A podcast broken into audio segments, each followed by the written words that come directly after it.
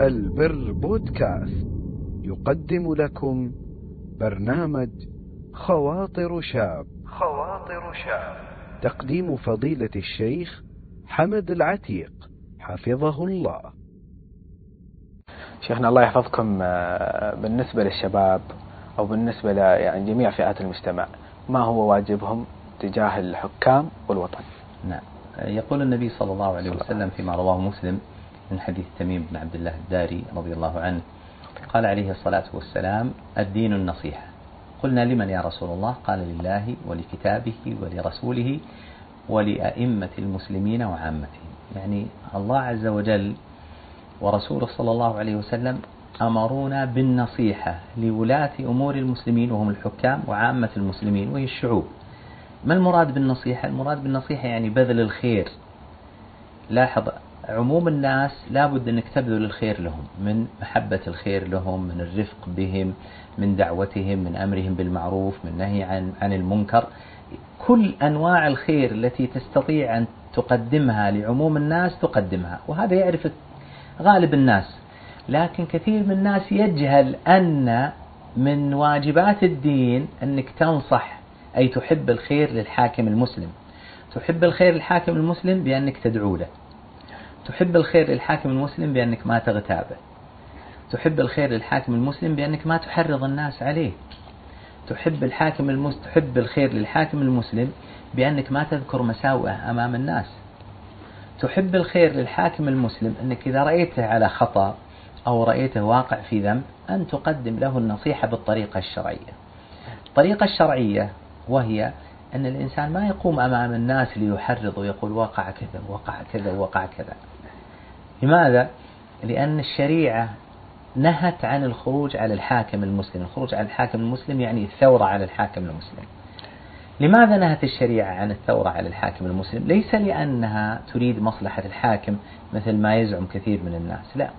الشريعة حينما نهت عن الثورة على حكام المسلمين تريد مصلحة الشعوب لأن الثورات تؤدي إلى ماذا؟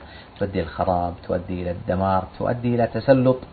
أعداء الإسلام والمسلمين على على الناس. وهذا اللي رأيناه فيما يسمى بالربيع العربي البلاد اللي جاها الربيع العربي وقبلت بالثورات أو اليوم تقوم فيها الثورات. نشوف حالها. مشردين قتلى جرحى تسلط عليهم الأعداء من الداخل ومن الخارج. حتى صارت بلدهم كأنها من بلاد العصور المتأخرة والعياذ بالله.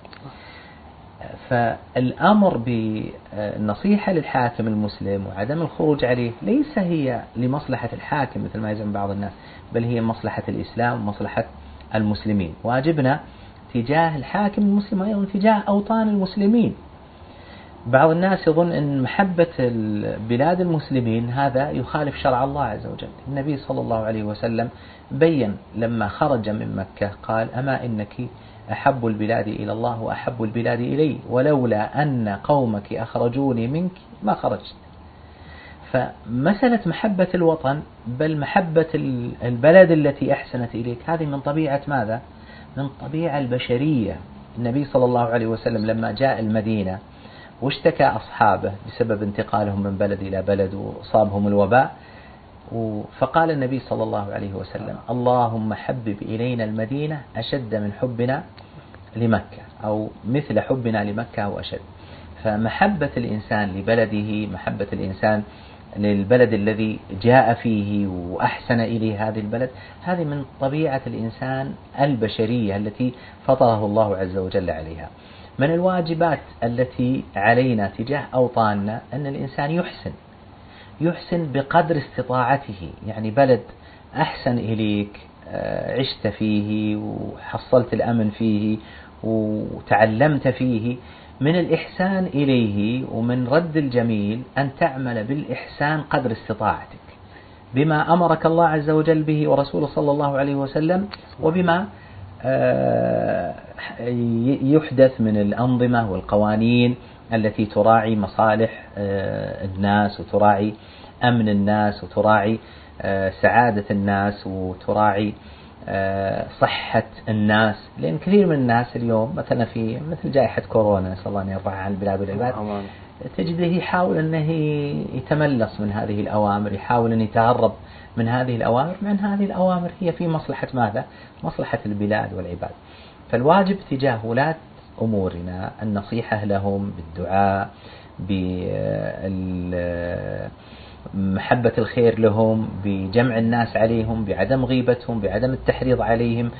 إذا رأى الإنسان أخطاء يحاول أن ينصح بالطريقة المناسبة بالكتابة إليهم بالوصول إليهم والتلطف إليهم بالتواصل مع المسؤولين الذين يرفعون لولي الأمر.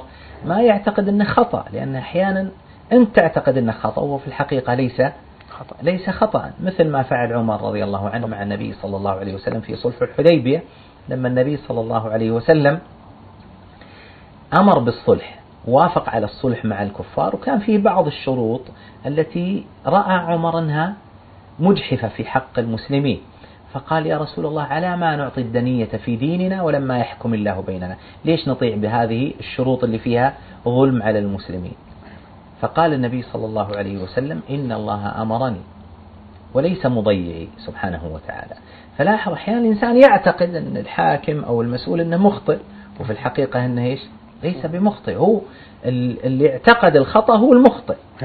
لذلك لما رجعوا من مكة نزلت قول الله عز وجل إنا فتحنا لك فتحا مبينا. فاستغرب عمر هو يعتقد أن هذا الصلح فيه إجحاف على المسلمين ظلم على المسلمين والله عز وجل يقول أنه ماذا؟ فتحا, فتحا مبينا للمسلمين. قال يا رسول أفتح هو؟ قال نعم. فالمقصود أن ينبغي أن يكون قلب المسلم تجاه حكام المسلمين تجاه شعوب المسلمين مليء بحب الخير لهم والنصح لهم والدعاء لهم وما فيه مصلحة البلاد والعباد. فيما يحبه الله ورسوله صلى الله عليه وسلم. صلى الله عليه وسلم.